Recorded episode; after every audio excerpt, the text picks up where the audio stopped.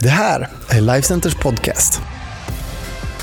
Vi är glada att just du är här. Allt du behöver veta om oss och vad som händer i kyrkan det hittar du på Lifecenter.se och våra sociala medier. Här kommer veckans predikan. Tack, tack. Eh, vad häftigt att få stå på den här sidan och se er härifrån. Eh, verkligen, jag är tacksam för förtroendet att få predika idag. Eh, det är inte så ofta jag gör det. Eh, men eh, man fick förfrågan här om det och samtidigt blev uppmuntrad att prata utifrån missioner, då går det inte att tacka nej. Så att eh, Magnus Högberg som sagt heter jag. Eh, jag och min eh, flickvän Ingalill här, ja, flickvän, vi har varit gifta i 21 år, är det va? Eh, men man är lika kär fortfarande som, som då. Eh, vi, i alla fall, vi, vi brinner för det här med mission, och, och framförallt en mission mot de folk som är minst nådda. Och eh, det kommer att prägla en hel del predikan idag. Eh, För oss började på riktigt det här med mission för 2014. Det var då när vi som kyrka körde igång eh, missionsskolan Mission 11 i Sverige. Eh, så att eh, 2014-2015 så var Lifes Inte värd för missionsskolan som en, eh, en termins missionsbibelskola. Första delen så är det träning på hemmaplan, eh, till ande, kropp och själ. Sen är det praktik utomlands i någon folkgrupp någonstans i världen. Eh, där man eh, delar evangeliet i form av storytelling, alltså man berättar Bibelns budskap genom berättelser, helt enkelt. Och som en eh, förberedelse inför det, starten där, så var vi iväg på en missionsresa eh, i Etiopien, i en stam som heter Male, i en by där. Jimmy Lenngren var med. Där. Det var häftigt, eller hur? En eftermiddag, vi hade lite ledig tid, så stack vi iväg, Jimmy och jag, och letade ormar, finns det gott om där, giftormar. Men eh, det gick sådär, vi hittade ingen, ingen levande orm, någon död hittade vi tror jag, men ingen levande. Eh, men i alla fall, på den här, vi kunde bara vara en vecka, vi hade jättelite tid. Eh, ingen där hade hört talas om Jesus. Eh, ingen visste någonting. Eh, under den här veckan så fick vi be personligen för ett tiotal människor till frälsning. Vi fick be för eh, hövdingen eh, som tog emot Jesus. Det var en av de starkaste upplevelserna i mitt liv faktiskt, fortfarande. Eh, och så åkte vi därifrån.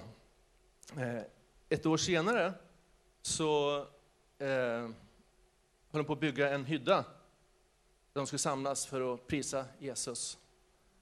Så att från att aldrig ta som Jesus till att ha en kristen församling i den här byn. Och ja, det, det, det, det är stort, vi fattar ingenting på så här, men alltså, det var två saker som verkligen berör oss otroligt mycket i samband med det här. Det första var att vi blev verkligen förkrossade över att inse att de här människorna, den här byn, enda anledningen till att de aldrig talas om Jesus, på de här 2000 åren som har gått sedan Jesus gick här, dog och uppstod för dem, det är att ingen har brytt sig för att gå dit.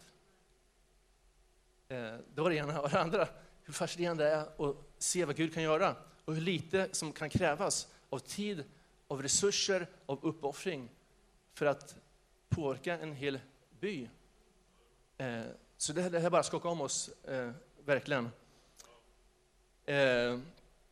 Och det var verkligen, och vi kände bara att ja, men hur kan, vi kan inte göra, vi måste ju liksom fortsätta med det här. Det, går ju inte, det. Alltså, det finns ju inte kartan att, att liksom blunda för det här eh, framöver. Så att, och så var vi engagerade i missionsskolan här då, eh, som eh, Marcus E. Jonsen startade upp här, man hjälpte till där, eh, under två år. Jag tänkte berätta lite också under de kommande åren vad som hänt lite grann, så ni vet eh, hur vi har varit engagerade. Eh, efter de här två åren så har missionsgården funnits i Vetlanda. Eh, Hope Church har varit värd för den där några år. Eh, vi har varit med lite grann där och framför allt har vi flera gånger eh, lett elever ut på de här missionsresorna eh, ute. Så vi har varit i ja, Indonesien, Etiopien, Kenya, Sri Lanka. Eh, bland annat varit med om fantastiska upplevelser som jag inte hinner berätta om idag. en annan gång kanske. Eh, sen då från förra året så finns den här skolan på, eh, i Mullhyttan utanför Örebro, inte så långt härifrån. Eh, så i höstas här så var att Ingrid tog 25 procents känslighet för att vara med och jobba med skolan där och hon var med ut på missionsresan också eh, där. Och eh, då är det en missionsorganisation som heter eh, Svensk Pionjärmission som är värd för Missionsskolan. Och de har funnits med under de här senaste åren tidigare också. Eh, men nu är det på plats där och det är ganska häftigt hur det gick till. Mikael Boman då, som leder Svensk Pionjärmission, han är pastor och eh, missionär och företagsledare. Han har varit här och talat på Kingdom Builders ett tillfälle. För 17 år sedan så bodde han och hans familj i Kanada och eh, jobbade med mission. Så upplevde han jättetydligt Gud talade till honom väldigt, väldigt specifikt att flytta tillbaka till Sverige, starta en missionsorganisation som skulle heta Svensk Pionjärmission. De flyttade tillbaka, byggde upp ett litet hus på svärföräldrarnas gård. Gud talade också väldigt tydligt om att gården bredvid där, som var typ lägergård kan man säga, eh, att Gud vill göra till ett träningscenter för att träna och sända ut missionärer till de minst nådda folken i världen, så finns det det vi kallar 1040-fönstret. Så för ett drygt år sedan, förra våren, här, så han har grubblat mycket på 17 år har gått. Liksom. Han startade organisationen och gör jättebra jobb, massa grejer. Men just den här gården bredvid, som han ser varje dag då, eh, där han bor, liksom, ingenting har hänt där. Gud, hörde jag så fel? Vad är det här? Sen en dag i våras så gick han på bönepromenad, korsade den här gården, och så sa Gud, gör dig beredd för nu, nu är det dags.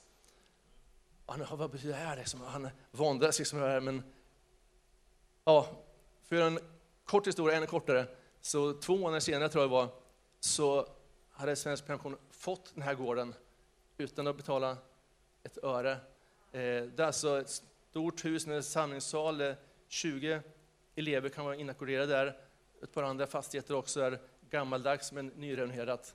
Eh, helt fantastiskt. Och det gjorde att skolorna kan vara där då, och eleverna kan eh, bo där. Så fantastiskt. Eh, Ingel och jag, vi är också med en grupp, en global grupp inom Mission Eleven som jobbar med ett projekt som heter Operation 326. Och det handlar om att eh, vi försöker se och ta reda på vilka folkgrupper i världen är det som än idag verkligen är helt, helt onådda, dit evangeliet inte har kommit än. Och eh, vi vill åka dit, till de här och reka, är de verkligen onådda, de som man tror är onådda eller inte? Skicka människor och se hur är statusen, och också se hur kan vi nå de som är onådda? Jättespännande. Och för ett år sedan så trodde man att det var 326 folkgrupper, därför Operation 326. Eh, idag om man går in och tittar så tror jag det är 289 och sånt, senast jag såg. Så det, det, det händer saker. Va? Och fantastiskt att se hur det här liksom räknas ner eh, och kunna få en, en del av det.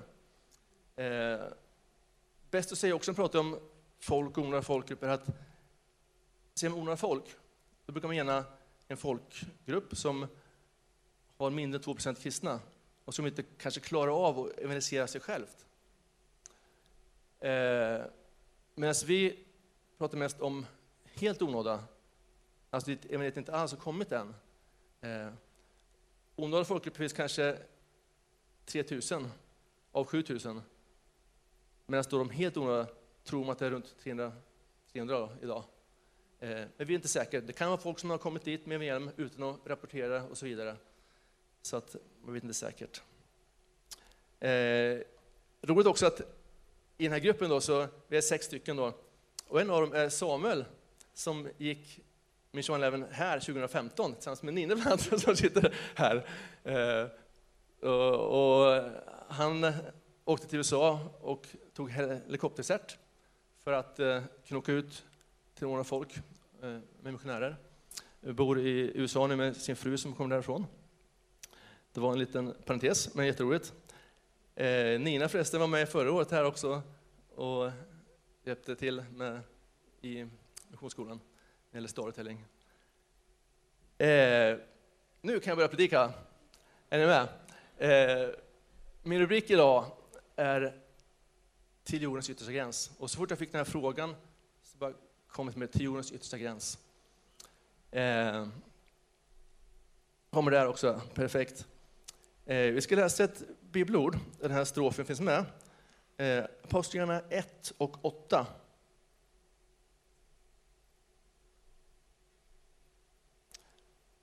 Står det så här. Men när den helige Ande kommer över er ska ni få kraft och bli mina vittnen i Jerusalem, i hela Judeen och Samarien och ända till jordens yttersta gräns. Och det här är ju ett av de ställen som tar upp egentligen missionsbefallningen kan man säga. Det finns på andra ställen också. Eh, mest känt är kanske eh, Matteus 28 och 19. Jesus säger att eh, åt mig getts all makt i himlen på jorden. Gå därför ut och gör alla folk till lärjungar. Döp dem i Faderns, Sonens och den helige Andens namn. Och jag är med er alla dagar till tidens slut. Eh, och det står alla folk, där, alla folk, folk, eh, det grekiska ordet är etnos. Det gäller alla etniska folkgrupper eh, som ska höra, alltså inte länder. Länder finns det väl ett par hundra kanske, medan folkgrupper kanske 7000. Någonting. I Afghanistan till exempel finns det 70 folkgrupper, varav 68 räknas som onådda. I Indien finns det nästan 2400 folkgrupper och över 2100 räknas som onådda. Eh, och just nu faktiskt så är det två par som är ute och rekar stammar. Ett bland annat i Indien, så, men i, i Asien just nu. Eh, om jag skulle översätta det här ordet lite grann till vår kontext här, det vi är idag, då skulle det bli ungefär så här. Men när den heliga Ande kommer över er ska ni få kraft och bli mina vittnen i Västerås, i hela Sverige och västvärlden och till varje onådd folkgrupp. Eh, den fria översättning eh, för vår kontext idag, va? Eh, vad det innebär. Och jag ska börja med att säga någonting om vad det inte står här, så att vi förstår. Det står inte att vi ska bli, ni ska bli mina vittnen i Jerusalem, eller Judeen, eller Samarien, eller jordens yttersta gräns. Så det är inte så att vi kan välja och vraka, det här passar mig, det här passar oss, och så här. Va? Utan det är ett, en helhet, ett paket. Va? Eh, det står heller inte att först Jerusalem, sen idén, sen Samarien och sen till yttersta gräns. Alltså inte först Västerås, sen Sverige, sen västvärlden kanske och sen eh, till yttersta gräns. Utan det är som sagt ett, ett paket. Det hänger ihop eh, allting. Och jag skulle säga så här att det är viktigt för oss att rikta blicken mot den här sista strofen, till jordens yttersta gräns. Och, och ha ett fokus där. Och, och varför det är viktigt då? Det ska jag prata om här. Och ta upp några punkter eh, som eh, ja, jag tror är riktigt, riktigt viktigt för oss. Eh, första punkten det är att vi behöver göra det för att Gud älskar varje människa. Som vi sjöng, ty så älskar Gud den här världen. Den gav sin enda son. Att var och en som tror på honom inte ska behöva gå under, utan ha evigt liv. Eh, och det handlar inte om att Gud skriver det här liksom för att han vill ge oss en jättesvår utmaning, eller för att han vet att vi ständigt ska gå och ha dåligt samvete för att det finns människor och folk som vi inte har nått än. Nej, utan för att han älskar varje människa. Och hans försoning på korset gäller varje människa. Eh, och hans hjärta blöder för varje person. Eh, och vi behöver också ha det perspektivet. Eh, jag ska läsa från Romarbrevet, jag tror det är från Romarbrevet 10, vers 13, 14 kommer där. Eh, ett känt ord. Att var och en som åkallar Herrens namn ska bli frälst. Men hur ska de kunna åkalla den som de inte kommer till tro på? Och hur ska de kunna tro på den som de inte har hört? Och hur ska de kunna höra om ingen predikar? Ja, hur ska de kunna höra om ingen predikar? Det var det vi upplevde när vi var den här första på den första resan, liksom, eh, de har aldrig fått chansen att höra. För att ingen har varit där och, och predikat. Och de bara, det var som att de bara väntade, har väntat och väntat eh, tills någon kom. Eh, och det finns sådana människor, det finns sådana stammar och byar eh, i världen idag som, som längtar och väntar, men inte fått chansen. Så varje människa är värd att få chansen att höra om Jesus. Det andra är att vi behöver fokus på jordens yttersta gräns. För annars kommer vi aldrig att fullborda det här uppdraget. För vi är så som människor, vet, vi är lite bekväma, vi är lite trångsynta, eh, vi är människor helt enkelt. Och det är bara att titta på den första församlingen i Apostlagärningarna. Eh, de fick det här uppdraget direkt från Jesus. Och de började, de blev fyllda med hela anden och började predika i Jerusalem, runt omkring där. Men det var bara där de predikade, och bara för judar. Och till slut fick Gud till och med sända en svår förföljelse mot de kristna, som gjorde att de spreds ut i stora områden. Och där fortsatte att predika för andra. Filippus till exempel, han kom till eh, Samarien, började predika för samarier. Fick se många komma till tro och bli frälsta. fick se stora mirakler eh, där, eh, som inte hade skett annars. Tyvärr, på grund av en svår förföljelse. Och Petrus, Gud var tvungen att ge honom verkligen en, en uppenbarelse, en syn, för att han skulle förstå att evangeliet gäller också andra folk, judar.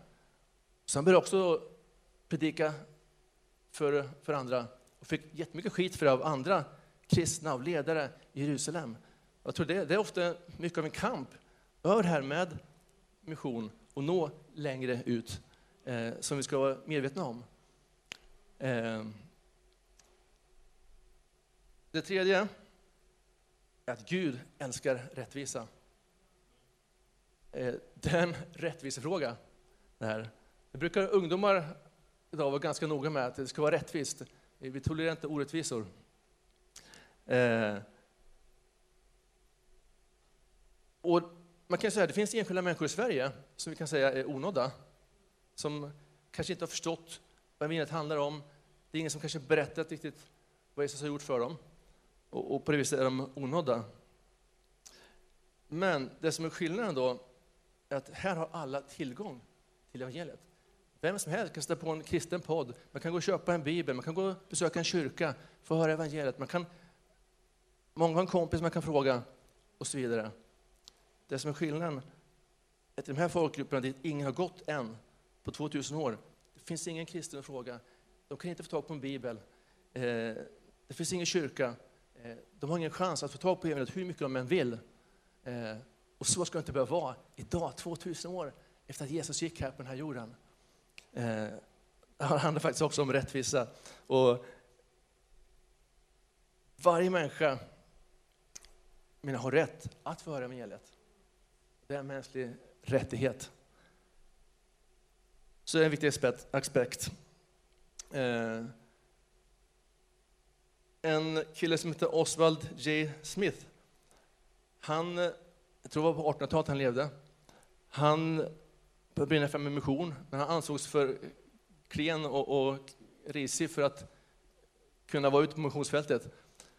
Han bestämde sig, okej, okay, kan inte jag vara där ute, ska jag i alla fall se till att andra åker. Så han gjorde till sin livsuppgift att eh, uppmana och utmana eh, människor att, och skicka ut massa missionärer.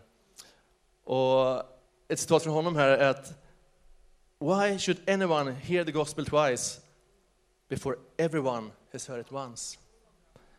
Eh, rättvisa. Nästa grej här som jag ska säga någonting om är att vi behöver ett fokus på att nå till jordens yttersta gräns. För om vi inte har det, då kommer vi aldrig någonsin eh, nå det här uppdraget. Eh, sorry, nu var jag tillbaka. Eh, en, vad ska man säga, en profetiskt måste eh, för att Jesus kom tillbaka, ska jag säga, eh, är att alla folk har fått höra evangeliet. Så för att Jesus ska kunna komma tillbaka så behöver vi ha blicken riktad på att nå alla folk. Om vi läser i Matteus 24.14, står ett fantastiskt bibelord. Innan här så har Jesus berättat om den sista tiden, vad som ska ske? Det kommer bli krig på ena platsen efter den andra, jordbävningar, hungersnöd. Eh, kärleken kommer kallna hos de flesta. Eh, och verset innan står att, men den som har ut till slutet ska bli räddad. Och så kommer det här då, vers 14. Och detta evangelium om riket ska förkunnas i hela världen till ett vittnesbörd för alla folk. Sedan ska slutet komma. Så Jesus kommer inte komma tillbaka förrän vi har fått ut evangeliet till alla de här folkgrupperna. Eh, och det som är spännande då idag, som vi pratar om här, Operation Treatment 6, och ser hur det krymper ändå, hur pass ändå få folkgrupper det är som är helt onådda idag. Och att det verkligen det är greppbart, det är nåbart. Vi kan, vi kan fullborda under vår generation, kanske på några få år, om vi bestämmer oss för det. Eh, och det är så fantastiskt och nästan hisnande att se det här som vi inte har lyckats med på 2000 år som kristenhet. Eh, vi kan nå dit. Eh, och vi kan på så vis också då påskynda Jesu ankomst. Det är också hisnande att du och jag kan vara med och påskynda att Jesus kommer tillbaka, som han har lovat. Eh, jag vill läsa ett ord till här om det här. I Andra Petrus brev, eh, kapitel 3, vers 9 och ja, till 13. Eh, Herren dröjer inte med att uppfylla sitt löfte, så som en del menar. Nej, han har tålamod med er, eftersom han inte vill att någon ska gå förlorad, utan att alla ska få tid att omvända sig. Men Herrens dag kommer som en tjuv, och då ska himlarna försvinna med våldsamt dån och himlakropparna upplösas av hetta och jorden och dess verk inte mer finnas till. När allt detta går mot sin upplösning, hur heligt och gudsfruktigt bör ni då inte leva medan ni ser fram emot Guds dag och påskyndar dess ankomst. Den dagen som får himlar att upplösas i eld och himlakroppar att smälta av hetta. Men efter hans löfte ser vi fram mot nya himlar och en ny jord där rättfärdighet bor. Och det står att Herren inte sen att uppfylla löftet, men han dröjer. Han dröjer för er skull, står det. Och, och naturligtvis så handlar det dels om att de här folkgrupperna som aldrig hört först ska få höra. Men det handlar också om dig som kanske sitter här och som ännu inte har bestämt dig för att bjuda in Jesus i ditt liv. Eh, han dröjer för din skull. Nu, än så länge, så lever vi i en tid av nåd. där Det finns möjlighet att få en rätt relation, rätt ställning med Gud. Eh, genom att sätta sin tro till det Jesus gjorde för dig på korset för 2000 år sedan. Han betalade priset för ditt tillkortakommande inför Gud. Så du kan få en rätt position och relation med honom igen. Eh, och du behöver inte vänta. Du behöver inte vänta. Du kan få ta det steget här idag. Eh, och om du upplever att du är där, att du vill ta det steget. så uppmanar dig att kom, kom fram här efteråt sen. Så kan jag prata lite grann, be tillsammans med dig eh, och så. Det mötet finns idag. Idag, frälsningsdag, eh, säger Bibeln.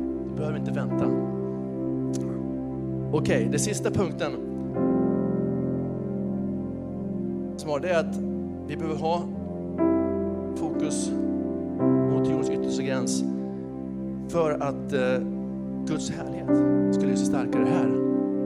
Det är också en bra orsak. Eh, ett sista bibelord här från Matteus 5 och 14. Ni är världens ljus. En stad som ligger på ett berg kan inte döljas. Man tänder inte ett ljus och sätter det under skeppan, utan man sätter det på hållaren så att det lyser för alla i huset. På samma sätt ska ert ljus lysa för människorna så att de ser era goda gärningar och prisar er far i himlen. Det är så att vi är som ett ljus på en stad, på ett berg. Ett ljus som lyser eh, för andra. Eh, och det är så här, om man skruvar upp styrkan på ljuset där så når det ju längre, ännu längre bort. Men samtidigt så blir ljuset ännu starkare runt om nära källan. Jag tror också verkligen är en sanning som vi behöver veta och förstå. Att när vi sträcker oss längre bort, då kommer det också bli starkare ljus, Guds härlighet här vi är. Ehm. Det här att man sätter inte en skeppa över ljuset. Hur många vet vad skeppa är? det är inte så många. Det är ett riktigt gammalt svenskt ord. Skeppa, det är ett kärl kan man säga. Jag tänker en skål eller något. Eh, man sätter inte det över ljuset, för då, då, då hindrar man ljuset från att lysa. Eh, ja, det lyser precis runt, längst ner, rakt ner, det lyser fortfarande men det, når ingenstans. Och lite tänker jag att så är det att om inte vi tittar längst bort, dit bort och sträcker oss mot det, då sätter vi en skeppa över ljuset. Ja, det lyser kanske precis runt här, va? men det når inte dit det ska. Eh, och så vill vi inte att det ska vara, eller hur? Eh, jag har själv märkt att när man har gått ut och träffat de här människorna, folken, eh, där ute som aldrig hört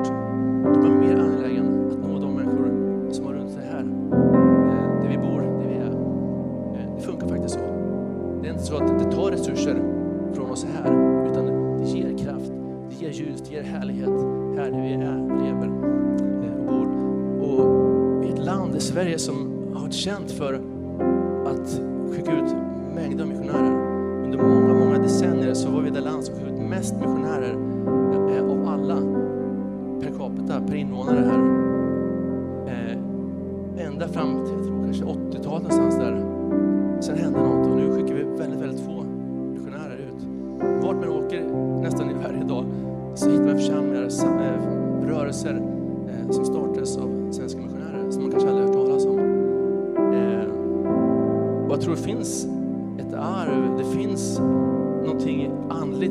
här över Sverige med pionjärandan eh, som vi behöver ta, ta upp igen.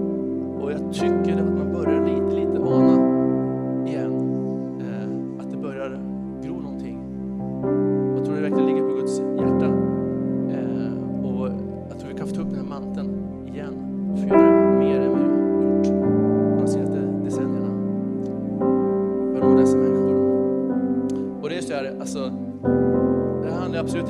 alla ska åka till ett konstigt land långt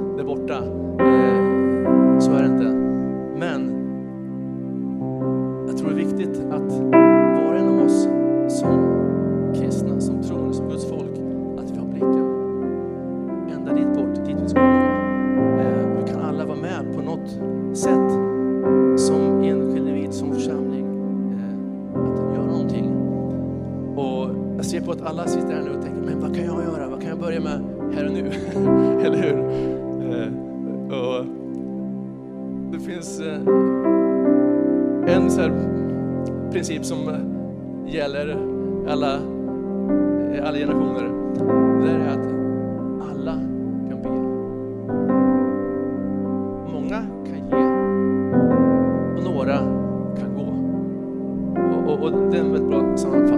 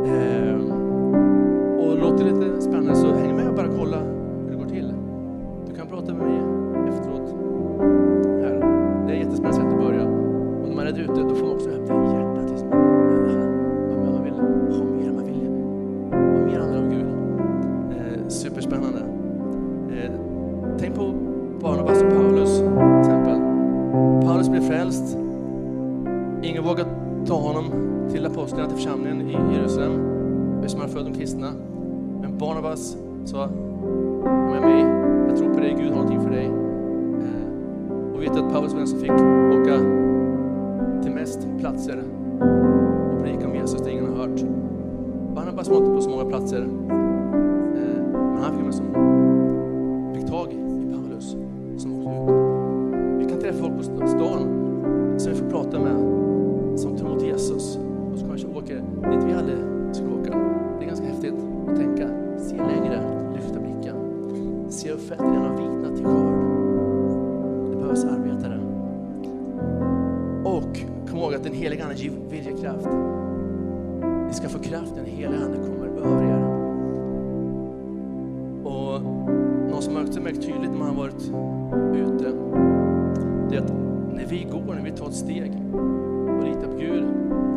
där vi och kanske inte vet, vi kan inte styra, då kraften blir verksam.